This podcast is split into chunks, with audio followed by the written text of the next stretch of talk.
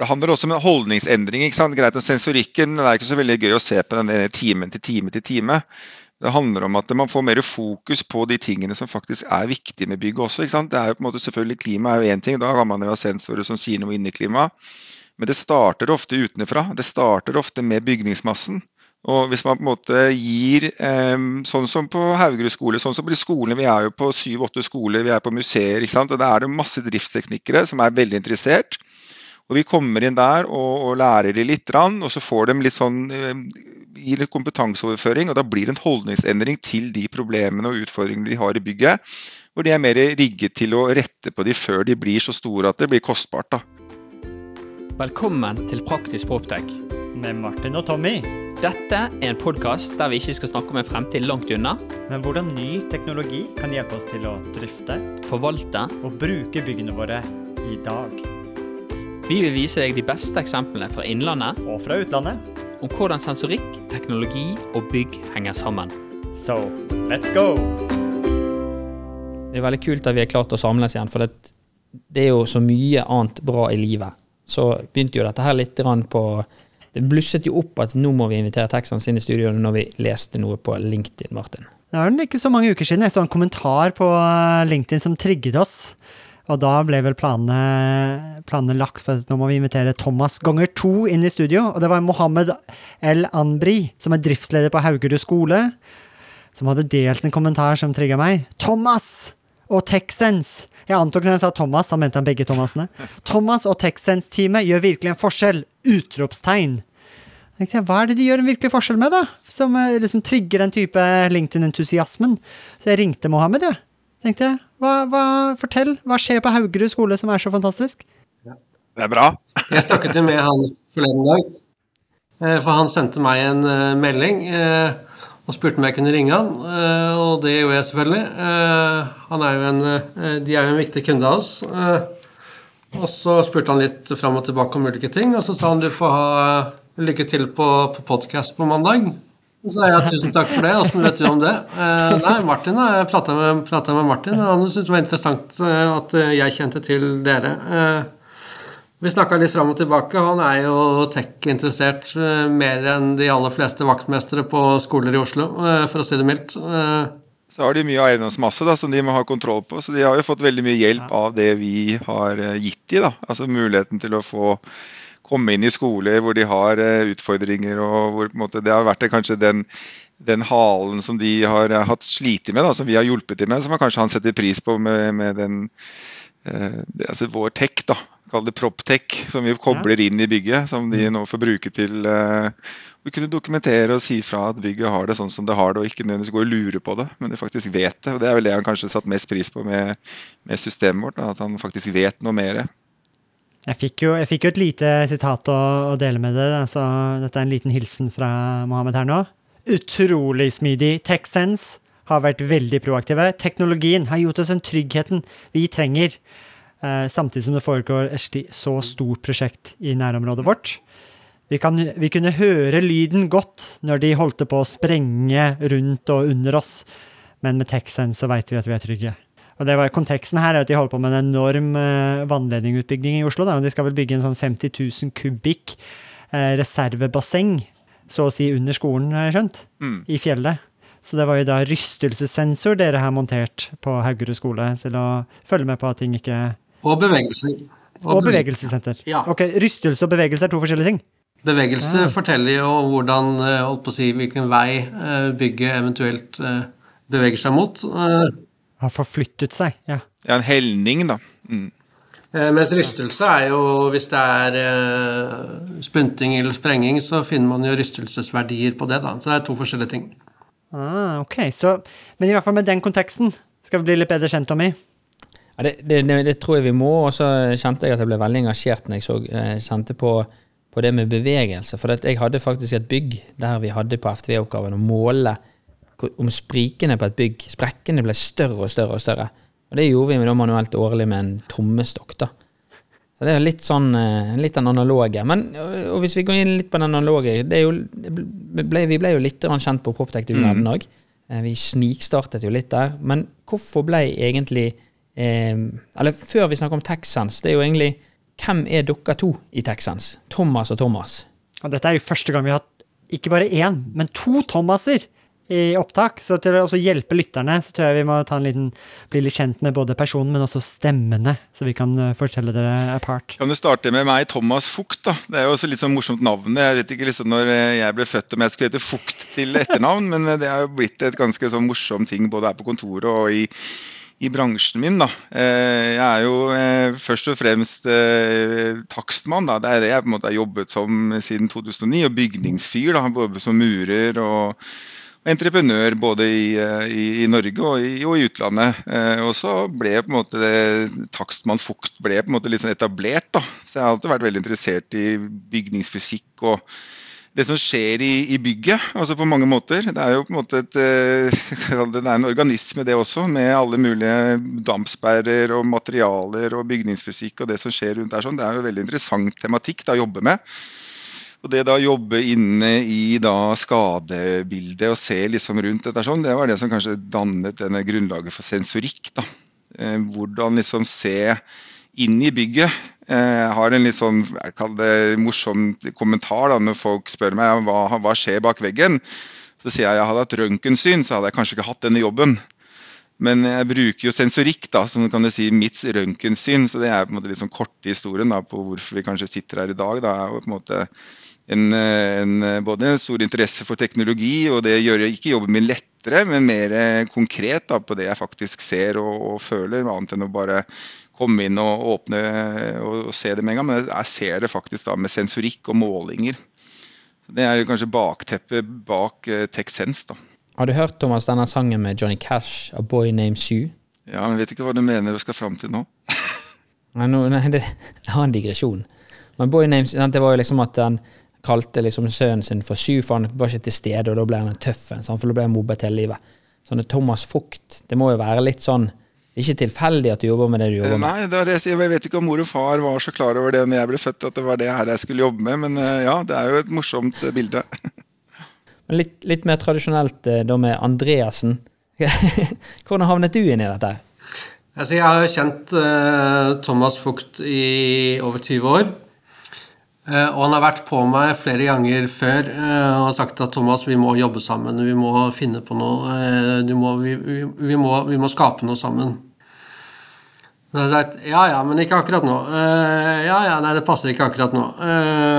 Og så hadde jeg en jobb som jeg trivdes veldig godt i i 14 år.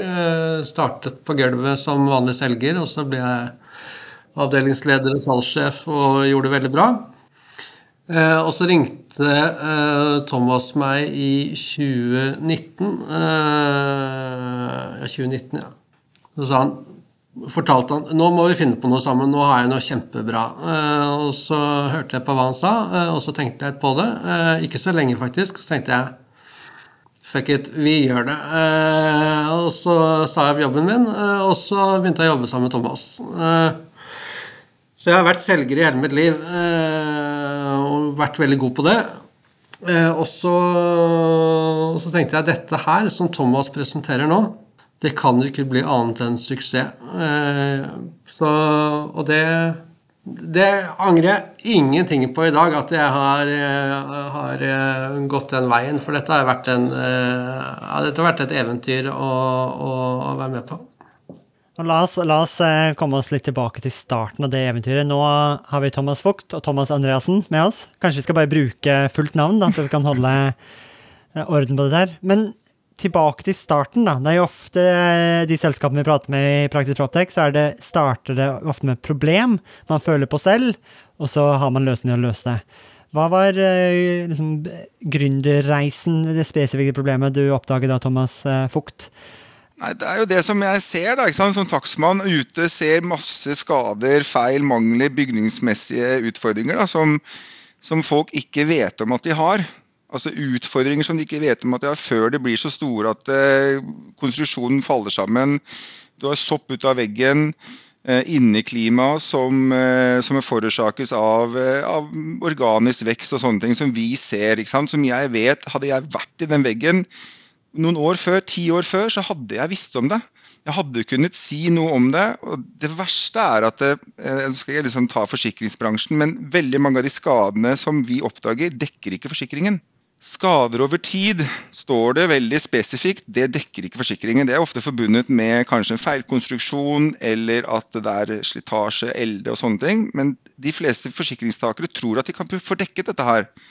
Så frustrasjonen og sorgen hos kunder som hadde store problemer med boligen sin, og ikke fikk dekket det, det var kanskje det det startet med.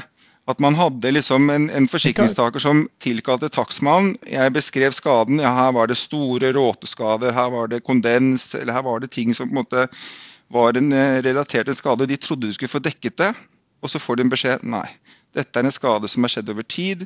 Dette burde du kanskje ha eh, oppdaget fordi at du har eh, manglende vedlikehold. Mange av de tingene. Sånt. Det var liksom det det startet med.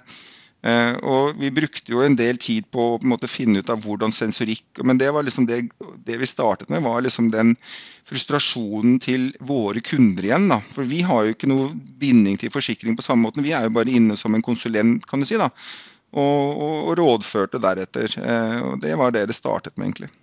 Hva, og når du sier, hva er det dere konkret måler? Hva, hva er disse sensorene som, eh, eller parameterne dere måler? Altså det er jo, eh, hovedsak så er det jo fukt da, i forskjellige typer eh, fasetter. Da. Du har på en måte det som er rennende vann. Det er jo veldig lett å se, selvfølgelig.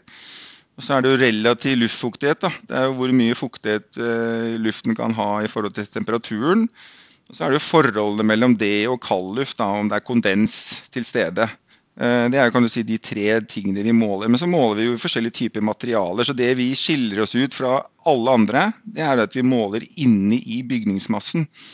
Vi har jo ikke en sensor som står i det har vi det også da, men vi har ikke en sensor som står i et rom, men det står inne i et skjult rom. Det kan være en påfora vegg mot betong. Det kan være en betongvegg som står mot terreng. Det kan være rundt en pipe, det kan være i teggel, en hullmur, men steder hvor normalt sett man ikke oppdager problemer før de blir så store at de blir veldig kostbare. Så det å komme tidlig inn i denne prosessen, det er det som er viktig for oss. Og den fukten det er det som på en måte kan du si, skaper mye av problemet i bygningsmassen tidlig. da. Så, som Thomas var inne på, det du nevnte i stad, dette med rystelser og bevegelser, det er også igjen den indre bygningsmassen. Hva tåler den i forhold til sprengning, spunting, det som skjer rundt?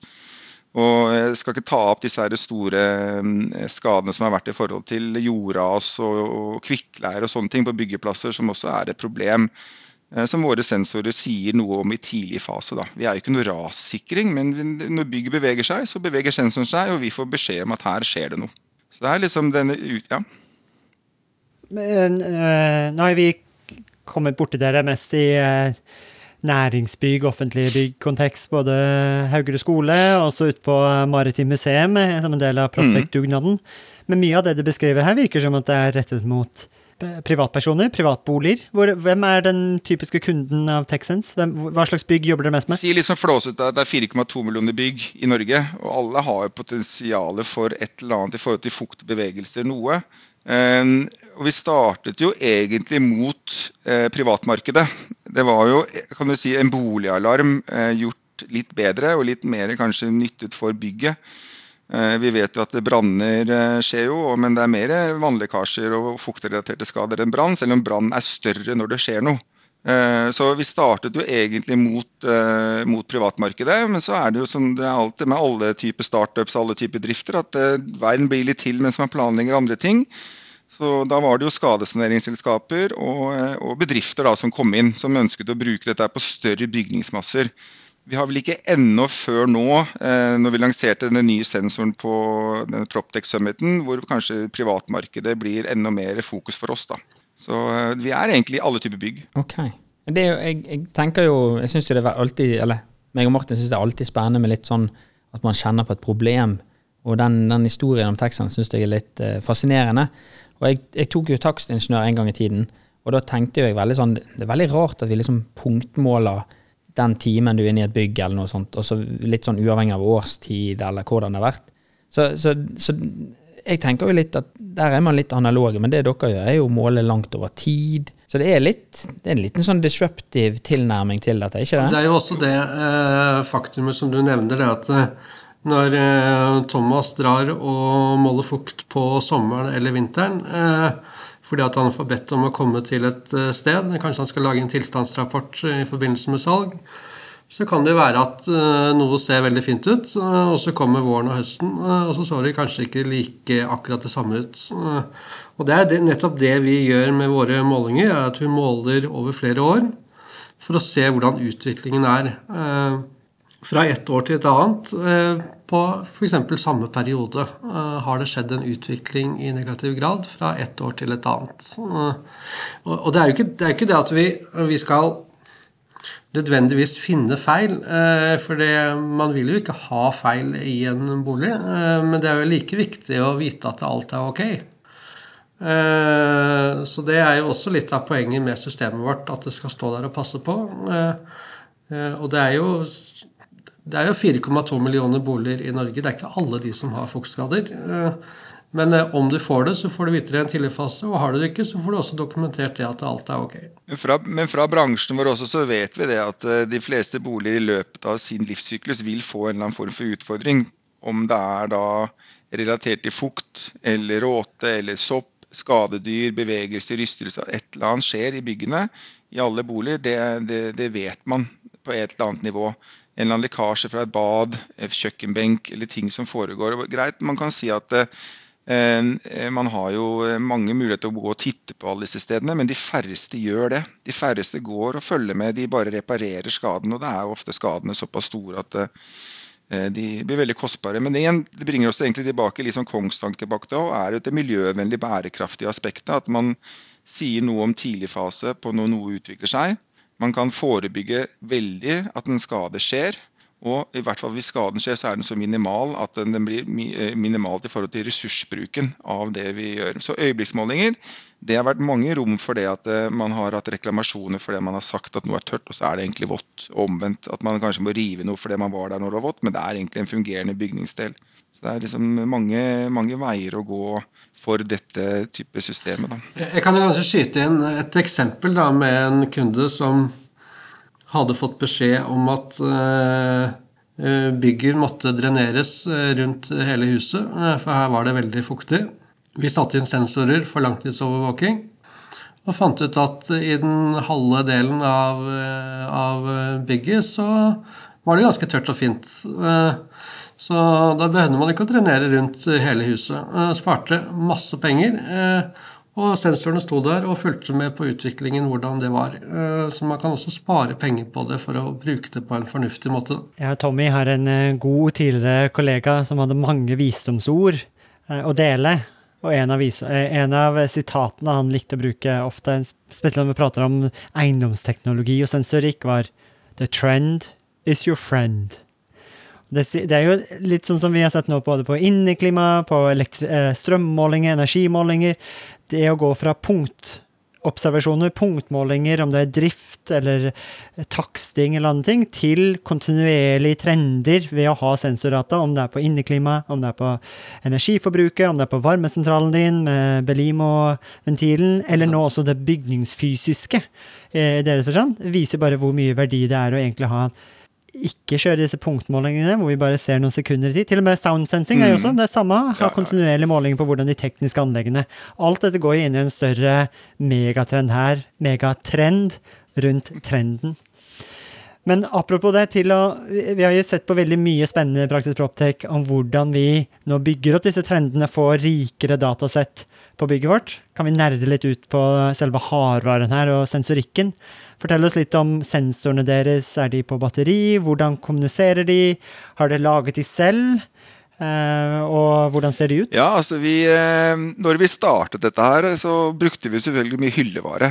Det som var viktig for oss, var å ha sensorikk som var nøyaktig. Uh, så vi fant jo veldig fort ut at det kanskje mye av den sensorikken som man får i hylla, den er ikke like nøyaktig. I hvert fall ikke dataflyten og, og hvordan man kan strukturere det for å få best mulig big data-informasjon. Sånn at man kan bruke den riktig, nettopp for å kunne predikere noe fremover. Så eh, Vi har vært veldig, veldig heldige da, med å finne utviklingsmiljøer her i Norge. Er jo, jeg er jo bygningsingeniør og driver med bygg og bygningsfysikk. og Har på en måte ikke kanskje den elektrobakgrunnen, men jeg vet jo veldig godt hva sensoren skulle gjøre. Så da fant vi et bra utviklingsmiljø her i Norge Eh, hvor vi lagde denne første sensoren vår, da, eh, som da heter 9030, for å liksom ta det tekniske. Da, som er en ren fuktsensor med tilkobling av prober. Den har en egen kommunikasjonsmodul som logger rett til nettskyen, så du er helt uavhengig av byggets andre wifi eller LAN-løsninger. Og så har den et internminne også, eh, som gjør at den lagrer hvis ikke du har eh, dekning. Da. For det er jo kanskje den største utfordringen med sensorikk i dag, og sånn type sensorikk, IOT, er jo dekning mot, mot basestasjoner. Da. Mens sensoren i seg selv er jo både batteridreven, og den har eget kommunikasjonsmodul da, mot eh, mot skyløsningen vår. Og Så har vi jo andre sensorer også nå som, eh, som kommuniserer gjennom blåtann og til andre da, plattformer den veien. Da. Men vi er jo opptatt av at dette skulle være et retrofit-system som ikke krevde dyre installasjoner, ikke dyre planlegginger. Her kunne man sette opp sensoren, den var oppe i løpet av et par minutter og logget med en gang. Det var på en måte kongstanken bak det, at det skulle være rett ut av boksen. Veldig mange systemer må jo kreve jo kabling og mye planlegging og sånn, men det skulle være lett å bruke for alle. Så det, det er egentlig veldig sånn, du kan si Sensorikken i seg selv er jo, er jo ikke rocket science. Det finnes jo masse forskjellige duppeditter, men det å på en måte sette det i en eh, boks hvor man har kontroll på både dataflyt og, og, kvalitet og toleranser og kalibreringer, det var i hvert fall viktig for oss i vår jobb da når vi starta i, i 2018. Vi, jo, eh, vi, vi, er jo så heldige at vi har dokumentert en installasjon ja. på Poptech-dugnaden, så det ligger jo på, på YouTube-kanalen til faktisk Poptech. Men eh, for de som ikke har sett den, for de få menneskene der ute som ikke har sett den i videoen, hva, hva, var det dere løste, eller hva var det dere gjorde på, på museum, museet, og, og hva, hva har dere lært så langt av de eh, målingene? Det er interessant, da, eh, fordi vi, vi gikk jo først, når vi kom dit, eh, så fikk vi en oppgave om å finne noen områder eh, som hadde fuktutfordringer fra eh, holdt på å si utenfra. og det første vi gjorde da, var jo å gjøre en befaring utenfor eh, bygget. Eh, vi gikk rundt hele bygget og fant da to steder som vi mest, tenkte at dette er sannsynlige eh, områder for fuktinntreng. Vi hadde ikke så feil på det, de plassene, men det som var interessant, det var at en av de plassene som vi satte ut sensorer, så tenkte vi her er det våtest, for det er i hjørnet helt nederst mot et terreng. Så her setter vi en sensor, og så setter vi en en annen sensor litt lenger bort. Eh, eh, som ikke skal ha så mye fukt. Kall det gjerne et referansepunkt. Det vi fant ut etter en liten stund, det var at det referansepunktet var våtere enn det helt i hjørnet helt nederst. Så tenkte vi hvorfor det. Så dro jeg tilbake igjen til, til Maritimt museum sammen med en kollega. Og så gikk vi rundt og så, sammen med driftssjefen der. Og så fant vi ut at på det stedet eh, Og eh, det vi fant ut der, eh, det var at akkurat der hvor vi hadde satt referansepunktet, på gressplenen der, så var det en, en altså på å si, Det gikk ned i gresset, som gjør at det ble på en måte en liten myr liggende akkurat der, så vannet ble ikke borte. Og det var kjempeinteressant, for hvis vi ikke hadde brukt sensorer på dette her, så hadde man aldri funnet ut eller tenkt tanken at dette er det våteste punktet på stedet.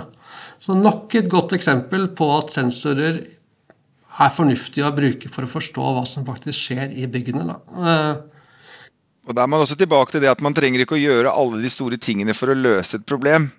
Man trenger ikke å rive noe for å bygge noe opp igjen. Man kan kanskje ta bort et lite hjørne, og så bygge det opp igjen. Det er jo kanskje det mm. kanskje sensorikk med langtidsmålinger kan hjelpe store eiendomsbesittere eller små huseiere til å på en måte gjøre. At de kan gjøre de riktige valgene og ikke gjøre alt, men de kan gjøre de riktige valgene. Ikke nødvendigvis på en eh, matrise på at det varer så lenge, men her vet vi hvor lenge ting varer, og hva som skal til for å reparere det hvis det er noe. da, Og ikke bytte ut alt. da. Dette, her er jeg fristet til å, å quote en uh, effekt, Martin. Jeg husker effekt du tenker jeg er på jakt etter nå. Vet du det? Er det reaktiv effekt, Tommy? Nei, nei, nei. nei, nei. Er det tiltrekkelseseffekten? Er det noe som kom Det er noe som Titanic Er det Snøfjelleffekten? er det jungeleffekten? Hvordan er jungeleffekten? det var jungel.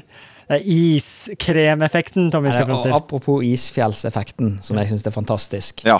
Eh, referanse i denne podkasten her. Men, eh, og det, det, tenker jeg litt mer at jeg merker jo at de siste, i hvert fall de siste fem årene på Proptech-konferanser, på møteplasser, vi har sett det på laben på, på Proptech Bergen.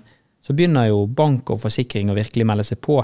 Klarer man, eh, Ser dere noe insentiver for gårdeiere å gjøre dette her til reduksjon i forsikringspremier og litt sånne ting? Eller er det det at dere finner som oftest ting som egentlig utenom forsikring? Vi har hatt flere eksempler på, eh, på byggherrer, eh, borettslag, sameier, for så vidt også eneboligeiere, næringsbygg, som har fått en, eh, en redusert forsikringspolise fordi at man gjør noen tiltak. Eh, Eh, og så er det noen forsikringsselskaper som er mer, mer, proaktive og sier ok på det, enn andre. Men det er absolutt viktig at når man får installert TechSense i sin bolig eller bygg, så kontakter man sitt forsikringsselskap og sier at nå har jeg gjort sånn og sånn og sånn. Jeg forventer å få en reduksjon i forsikringspolisen fordi at jeg gjør noen tiltak som gjør at det blir mindre følgeskader over tid. Eh, og hvis du legger fram det på en riktig måte mot, eh, for forsikring, eh, så kan du egentlig ikke si nei til det. For det er, det er en realitet. Det handler også om en holdningsendring. ikke sant? Greit, Sensorikken det er ikke så veldig gøy å se på den timen til time til time. Det handler om at man får mer fokus på de tingene som faktisk er viktige med bygget også. ikke sant? Det er jo på en måte selvfølgelig Klima er jo én ting, da kan man jo ha sensorer som sier noe inni klimaet. Men det starter ofte utenfra. Det starter ofte med bygningsmassen. Og hvis man på en måte gir Sånn som på Haugerud skole, sånn som på de skolene Vi er jo på syv-åtte skoler, vi er på museer. ikke sant? Og Da er det masse driftsteknikere som er veldig interessert. Og Vi kommer inn der og, og lærer de litt, og så får de litt sånn gir litt kompetanseoverføring. og Da blir det en holdningsendring til de problemene og utfordringene de har i bygget. Hvor de er mer rigget til å rette på de før de blir så store at det blir kostbart. da. Så Det er jo på en måte insentivet til forsikringen også, som den holdningsendringen som skjer da, hos boligeiere eller hos, eh, hos um, uh, disse driftsteknikerne og eierne. At de, de, tar vare på byggene på en annen måte. De maler ikke bare over den flekken som er en fuktflekk, eller setter en bøtte under det røret de gjør faktisk noe med det, for de har en helt annen forståelse av, eh, av bygget sitt. Da. Så Det er jo veldig interessant å se at forsikringen også gir denne premieringen da, med holdningsendring. Jeg tror ikke sensorikken i seg selv, men det er den hele pakka som vi på en måte klarer å få inn i bygget med en overvåkning. da. Mm. Tenker også, jeg synes det, Kanskje apropos isfjellseffekten. Jeg syns det var veldig spennende å lese den eh, var det Enova-rapporten som sa kun det å ha et EOS ikke nødvendigvis om man har satt inn noe tiltak eller gjort noe, bare det faktum at et bygg har et EOS, så mm. allerede sparer du 5 mm. energi. Og det er egentlig bare det at man blir Man har dataen tilgjengelig, man synliggjør data, man blir bevisst på forbruket. Så i det i seg selv så er det en besparelse fordi det er en holdningsendring som skjer ved at man får tilgang til disse verktøyene. Jeg tenker Det var også det samme essensen jeg fikk ut fra Mohammed når jeg pratet med ham på Haugerud. Han er blitt bygget bedre ja. kjent. Vi har jo, eh, apropos dette her med salg, da, forretningsmodeller. Um, er, er, det ikke en utfordring å, å, selge hvis ikke man kan peke på noe direkte ROI? En holdningsendring er jo vanskelig å selge inn. Hvordan er, det dere, hvordan er det dere får solgt dette her og virkelig gjør dette en killer-applikasjon som alle de fire millionene bygg i Norge bare blir no-brainer å ta til innkjøp? Det er jo, det er uten, uten, tvil eh, at de som kontakter oss direkte, som er ganske mange, uh, Eh, de gjør det fordi at de vet at de har en fuktutfordring i dag. Eh, og de skal vi jo selvfølgelig eh, hjelpe. Og så er det nok mer og mer nå framover Man kan jo godt si at disse ekstremværperiodene, spesielt vi hadde på Østlandet nå i sommer og tidlig høst, det har jo satt en vekker i folk. Eh, om det er menneskeskapt eller ikke, eh, det er eh, egentlig uinteressant. Det, det, viktigste er at man, man ser at, at, det er mer ekstremvær enn før. Og det som er ekstremvær nå, det kommer til å være vær om ikke lenge. Og så kommer det nytt ekstremvær som vi ikke helt vet hva er akkurat nå. Så folk og vann tar veier som de ikke har tatt uh, før. Uh, og folk blir litt mer bekymret og er, ønsker å være litt uh, føre var på ting som, som skjer. da. Vi har også med oss lovgivningen. da, for Vi jobber jo på som sagt, det er jo mange typer bygg og mange typer situasjoner. så Det har jo kommet lovendringer nå i forhold til Jeg vet ikke hvor mange som har solgt en bolig i det siste. Men det er sånn når du får beskjed om at du skal bore et 73 mm stort hull i veggen, så begynner folk å tenke oi, det var svært. Skal du, flisa gå i stykker? Så må jeg si nei, men den skal jo ikke bores fra baderomssiden, den skal jo bores fra baksiden. Og Det er jo også litt sånn tilbake til øyeblikksmålinger. Det er jo også et veldig stort eh, kundesegment da, på boligsalg, hvor man på en måte kan putte en sensor inn i det hullet som kan si noe over tid. Hva skjer med badet, hva skjer med dreneringen, hvordan fungerer dette her. ikke sant? Så Men ta det, for jeg har pussa opp leiligheten min eh, nylig, og når jeg tok vekk eh, et gammelt gipslag var- Da tok jeg vekk noen gipslater og så var det tydelig Det var noe Jeg tør ikke å si at det var mugg, men det var masse svart under på, på veggen, en sånn kald murvegg. Jeg tenkte oi, ok, nå skal jeg bygge opp ordentlig og sørge for at det ikke skjer nå, men jeg veit jo ikke hva som skjer etter at jeg er isolert og satt på nye gipsplater. Jeg tenker at faktisk jeg, jeg faktisk akkurat Jeg la inn en sånn Airting-sensor bak eh, veggen der, så jeg følger med litt. Der, for jeg jeg kan i hvert fall eh, sacrifice én stakkars Føltes litt sånn slemt ut å, eh, liksom mure inn en Airting-sensor som aldri kommer ut igjen. Men da har jeg i hvert fall noe litt kontroll på fuktigheten, men det er vel ikke den riktige måten å gjøre det på. Hvis jeg skulle hatt det nå i leilighet La oss ta forretningsmodellen på, på boligeiere, da, som meg, som tenker å få litt bedre kontroll, og kanskje kunne bruke det inn mot boligmappa eller inn mot eh, prospektene man skal selge videre. Her har jeg faktisk hatt kontinuerlige målinger inne i de mest utsatte veggene. Hva ville det kostet meg til å ha fått en sensor inn i veggen? vi, vi lanserte jo en helt eh, splitter ny sensor på Proptech Summit eh, for to og en halv uke siden. Eh, den kom fra fabrikken dagen, et, dagen før eh, Proptech eh, Summit. Hvor vi hadde både stand og vi hadde, hadde litt scenetid og, og viste denne fram.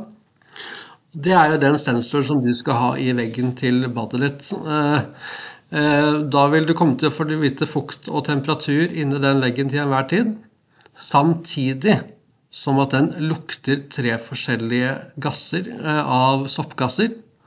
Som betyr at hvis det på et eller annet tidspunkt eh, blir eh, sopp som eh, holdt på å si på baksiden av den veggen, så vil sensoren fortelle at her er det en gass som ikke skal være her. Eh, og da vil du få vite det i en tidlig fase, at her er det noe som skjer på bakken.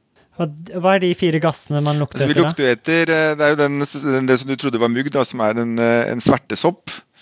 Og så er det råtesopp og Ja. kondenssopp. Denne sensoren er jo laget opp sånn at vi kan jo lukte flere, men det er de tre klassene som vi på en måte nå har fokus på. da. Eh, sammen med da temperatur og relativ luftfuktighet så kan man si sannsynligheten for at her er det utvikling av eh, organisk vekst. da. Så jeg burde egentlig hatt det på alle ytterveggene mine også, da. Tenk, det som jeg er redd for på denne byggen, og jeg er bygg fra 1880, det er teglsteinsbygg. Og så har jeg lagt på litt grann isolasjon, som, man egentlig, som er jo fordi sånn som man bygde på 1800-tallet, var ikke veldig energieffektivt sånn sett. Så prøver vi å minimere litt energitapet ved å isolere i hvert fall litt, uten at man flytter eh, det frysepunktet altfor langt inn, men også duggpunktet, og man får måte mye kondensjon eh, inni den massen. Så det er en Mm. balansegang jeg prøvde å få til.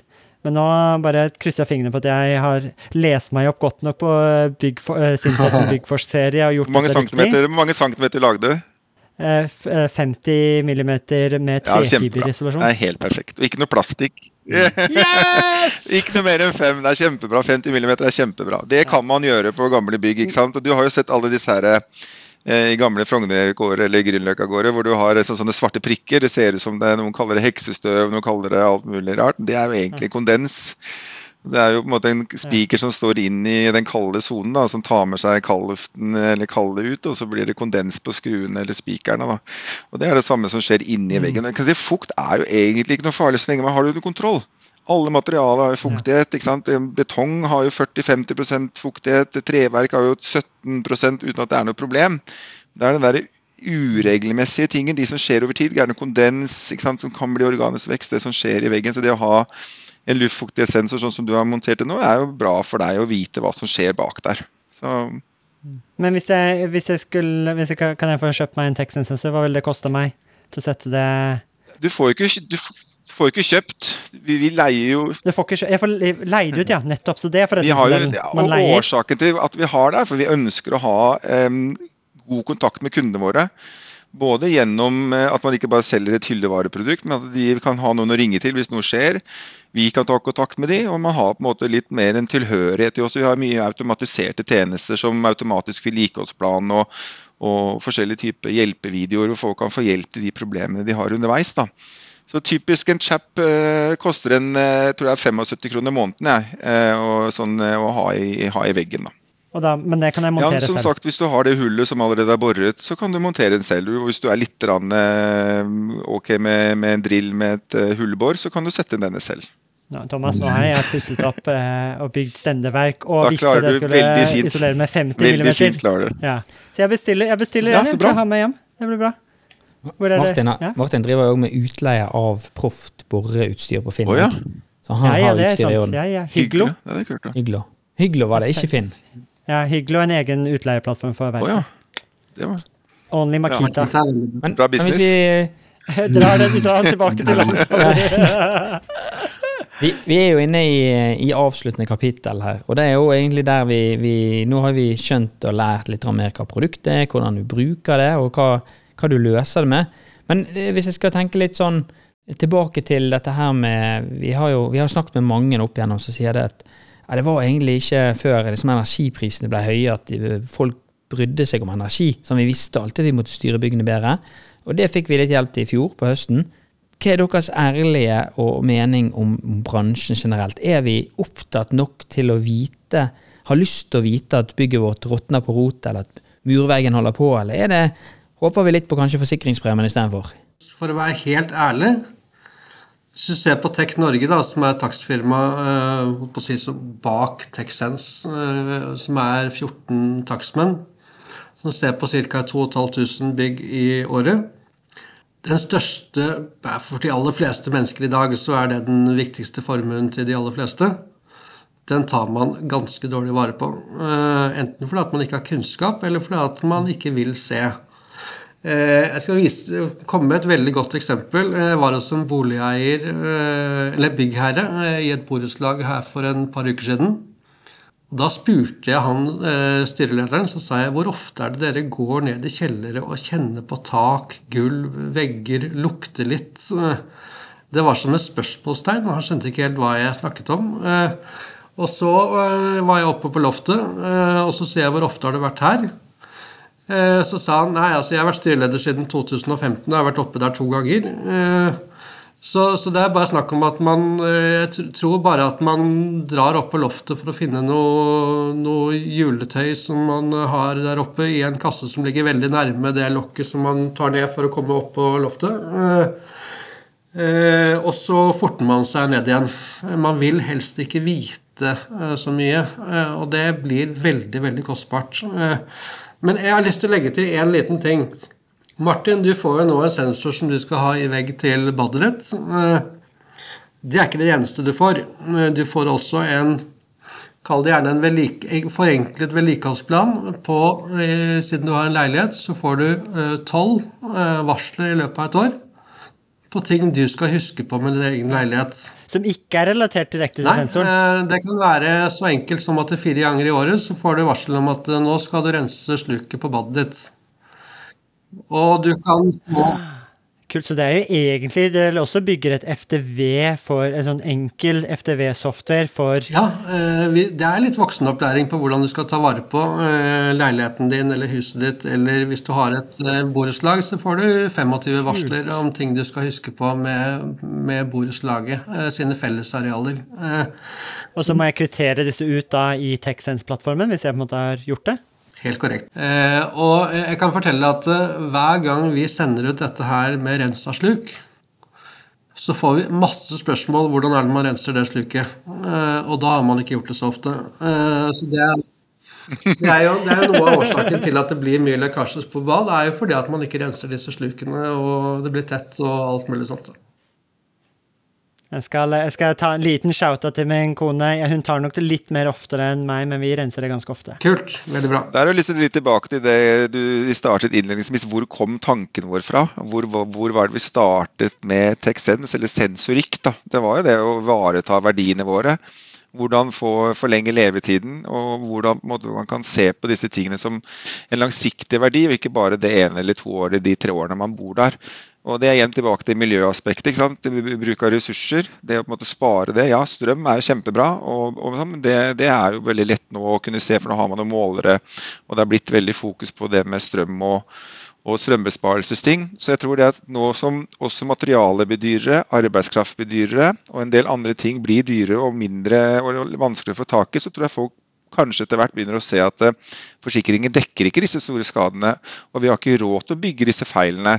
Det må gjøres riktig med en gang. Entreprenører de har ikke kanskje den bufferen hvor de tjente 15-20% på sine boliger. Nå har de kanskje bare 5% på bunnlinja. De har ikke råd til å ha alle disse feilene og reklamasjonene som, som dukker opp for ting bygges dårlig eller ikke ta vare på, sånn som det kan gjøres med teknologi som vi har i dag. Så øyeblikksmålinger har jeg gjort masse av og sånne ting. Men nå har man jo teknologi og sensorikk som gjør det tilgjengelig og mulig, lett og ikke så kostbart.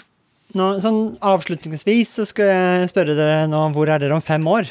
Men det vil jo, med de trendene vi ser, og viktig å bygge Man får rive skam, vi skal egentlig også bygge skam, vi må ta bedre vare på det vi har ville det ikke vært utrolig etter hvert at man kanskje også så for seg, innenfor disse fem årene, og spør jeg egentlig om dere, da, men at man også så for at det kommer noe krav på kontinuerlig måling av det bygningstekniske? Eh, det er det vi håper på, da, og det er det vi var med på på avvenningsloven og fikk inn litt at eh, man kunne bruke fjernloggingsutstyr istedenfor å bore. Pluss at denne nye NS3600 åpner for at eh, TG2 og TG3 må overvåkes. Så vi, eh, vi, jobber ikke veldig aktivt, men vi snakker med, forskjellige typer, både DBK og Boligmappa og flere, for å på en måte få inn dette her eh, som et eh, anbefaling til nye tekker mot bad og drenering. Eh, nettopp for å kunne forebygge og kunne si noe om, eh, om, kvaliteten på det som blir bygget. For det er jo fryktelig mye som er bygget veldig bra. Og det å vise at det faktisk er bygget veldig bra, er like viktig som å ta de feilene og manglene som skjer. da. For en, eh, for en, som har ganske mange sensorer, og eh, bl.a. måler fukt, temperatur og VOC, ikke bare på bad, men òg på ja. må, Når du det selv, så må du oute deg selv. Hvor mange sensorer har du? Nei, det, Jeg har sluttet å telle, Morten, da, da, slipper jeg å lyge til deg. Ja. Nå, nå, men jeg har lært meg én ting, det er at Apple og HomePod òg har temperatur og fukt inni seg. Så jeg har egentlig telt feil hele livet. Så, så jeg, det er nå over, over 1500, du? 1600? Nei, jeg tror jeg har passert uh, to nå. Men jeg vil ikke, jeg vil ikke, snakke, om det. Jeg vil ikke snakke om det. Men eh, eh jeg måler også, så har jeg òg en sånn kjeller der det gikk vann gjennom. Så jeg har målt temp, fukt og, og VOC, og jeg har faktisk sett perioder med oppblussing, og så måtte jeg gjøre tiltak. Så jeg, jeg, har utrolig stor troen på det dere holder på med. Men, men, for å dra litt an i den spåkulen, er det noen andre sensorer dere ser på fremover, så dere tror kanskje at eh, kommer? Ja, altså, det er det jo. Hva tenker du på sensorer? Nå blir jeg litt så usikker. Hva tenker du på?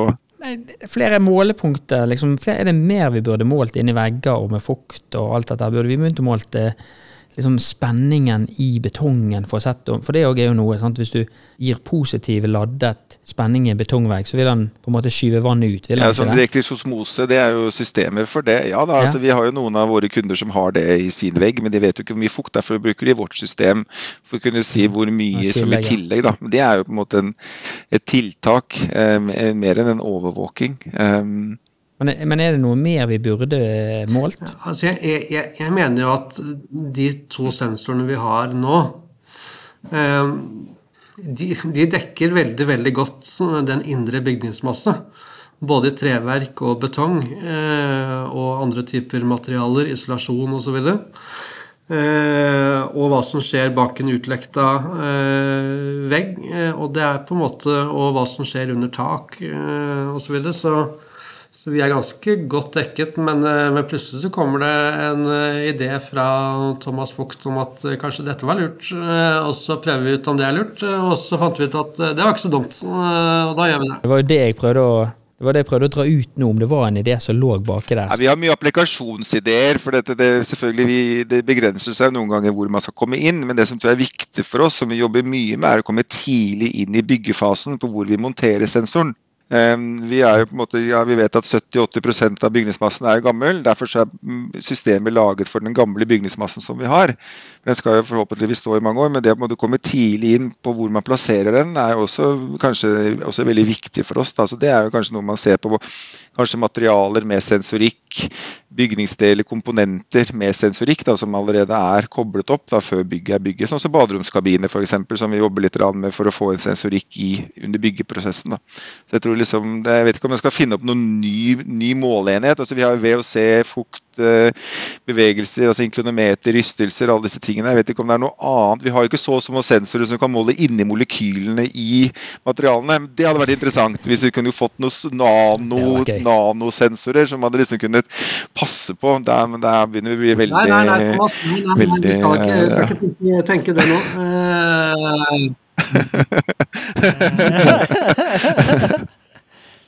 Men det som jeg tror Og, og det, den viktigste andre biten her, sensorikken og rådataen er en ting, men det som gjør dette her verdifullt og nyttig og, og gøy, at du kan få så emosjonelle, positive tilbakemeldinger fra noen som Mohammed på Haugerud skole, er jo den brukeropplevelsen i softwaren.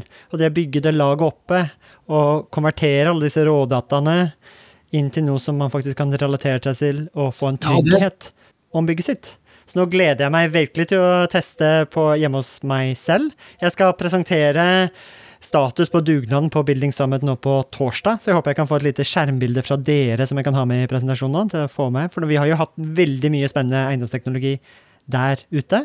Og jeg tenker med det, Tommy, nå har vi eh, Det er så mye gøy vi har fått uh, kunne diskutert og tatt med oss inn i podkasten. Og ikke minst fått med inn på dugnaden på Maritimt Maritim museum. Så de som ikke har tatt turen ut dit og se Fantastisk. både Texens og alle de andre spennende selskapene ja. Du var jo veldig emosjonell om dette, her, Thomas. Jeg var det, fordi jeg syns det var veldig, veldig fint. Altså jeg tror jeg tenkte litt samme som dere, at uh, det kommer sikkert en fem-seks selskaper. Uh, det gjorde det ikke. Det kom mange. Uh, så det var jo det dere også tenkte, at det plutselig kommer sikkert noen som, som har syntes dette er gøy å være med på, så plutselig så står vi der ute på med 50-60 firmaer som har ulike tanker og ideer om hva ting skal gjøres. Så sitter vi på gruppe, sensorgruppe sammen med Airthings og, og, tenker ut ulike ting. Så det, det, var, det, var, jo helt fantastisk, eh, og det er gøy å være med på noe sånt. Og jeg, jeg vil bare avslutte med en liten ting, eh, og det er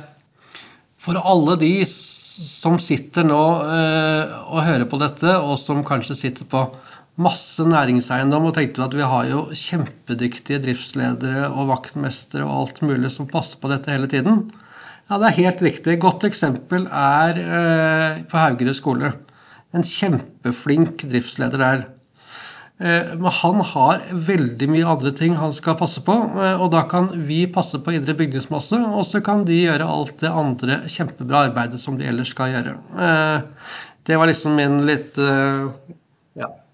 Jeg, jeg, jeg, tror de fleste, jeg tror de fleste sensorselskaper er enige om det. altså. Det er det finnes ikke nok mennesketimer til å ta vare på byggene, derfor må vi ha hjelp av, av, sensorikken. Og jeg tror med de kloke ordene der, Martin, så er nok Dine en episode eller Thomas sine? Ja, det var Thomas sine denne gangen. så er nok en episode av Praktisk Proptek over for denne gangen. Mitt navn er Tommy. Thomas. Thomas. Og Martin! Og dere har nettopp hørt på en episode av Praktisk Proptek! Har bra energi. Da dere er 2024 i gang, og et av høydepunktene på starten av året er jo sett sammen et årshjul, og det har vi også gjort, Tommy. Ja, Akkurat nå sitter jeg og ringer rundt 25. og 26. april, for da skal vi på FTV-kongressen. Og det blir litt ekstra spesielt i år, Martin. Det var jo veldig spesielt i fjor òg, for jeg husker det vakre øyeblikket når eh, du og Magnus fra FTV-kongressen eh, preiket sammen og egentlig unnfanget og satt sammen en god idé. Og det var jo invitasjonen til eh, Proptech-dugnaden, som også blir et høydepunkt i år, ikke sant Magnus, på FTV-kongressen 2024? Jo, det stemmer det. Vi setter godt med plass eh, i år til, eh, til dugnaden. En god og sprø idé for å sette praktisk Proptech ut faktisk i livet og vise hva vi får til, ikke bare fortelle. Det var jo, det var jo veldig gøy, for jeg husker da jeg skulle pitche dette til deg, så tror jeg du avbrøt meg og bare sa 'vi er med'. Og når vi var på dugnaden, så sa du òg at Tommy, dette her må vi ta med oss tilbake på FTV-kongressen. Vi må jo praktisk få dette vekk fra Powerpoint og vise praktisk hvordan vi har gjort det. Og det syns jeg blir litt spesielt i år, at det blir jo for meg en liten reunion av det som skjedde der ute. Men, men eh, FTV-kongressen er vel mye mer enn en, bare en reunion òg. Jo da, det er en møteplass for uh, FTV Norge, og vi ønsker å skape det til en, en god møteplass for FTV Norge, som, som, tross alt tar vare på Norges største fastlandsnæring. Og da skal, vi, da skal vi ha en god arena å møtes for å se på felles uh, utfordringer og problemer, men ikke minst hvordan vi kan løse ting fremover. Og så blir uh, dugnaden en sånn bekreftelse på hvordan vi faktisk kan gjøre det, istedenfor å stå og bare høre om hvordan vi kunne ha gjort det. Det er veldig kult. Og januar er jo en gavemild måned, så hvis du brenner for bedre drifting av bygg, så kan du få med deg en liten eh, rabattkode her også, så møtes vi kanskje 25.-26. april på Tung kongress Gardermoen. Og den rabattkoden er ikke vanskeligere enn Praktisk Proptek med små bokstaver og uten mellomrom. Praktisk Proptek. Praktisk Proptek, små bokstaver, ingen mellomrom, ett ord ftvkongressen.no. Der ser du programmet. Det blir oppdatert i disse dagene, og så møtes vi i april. Vi ses! Vi ses!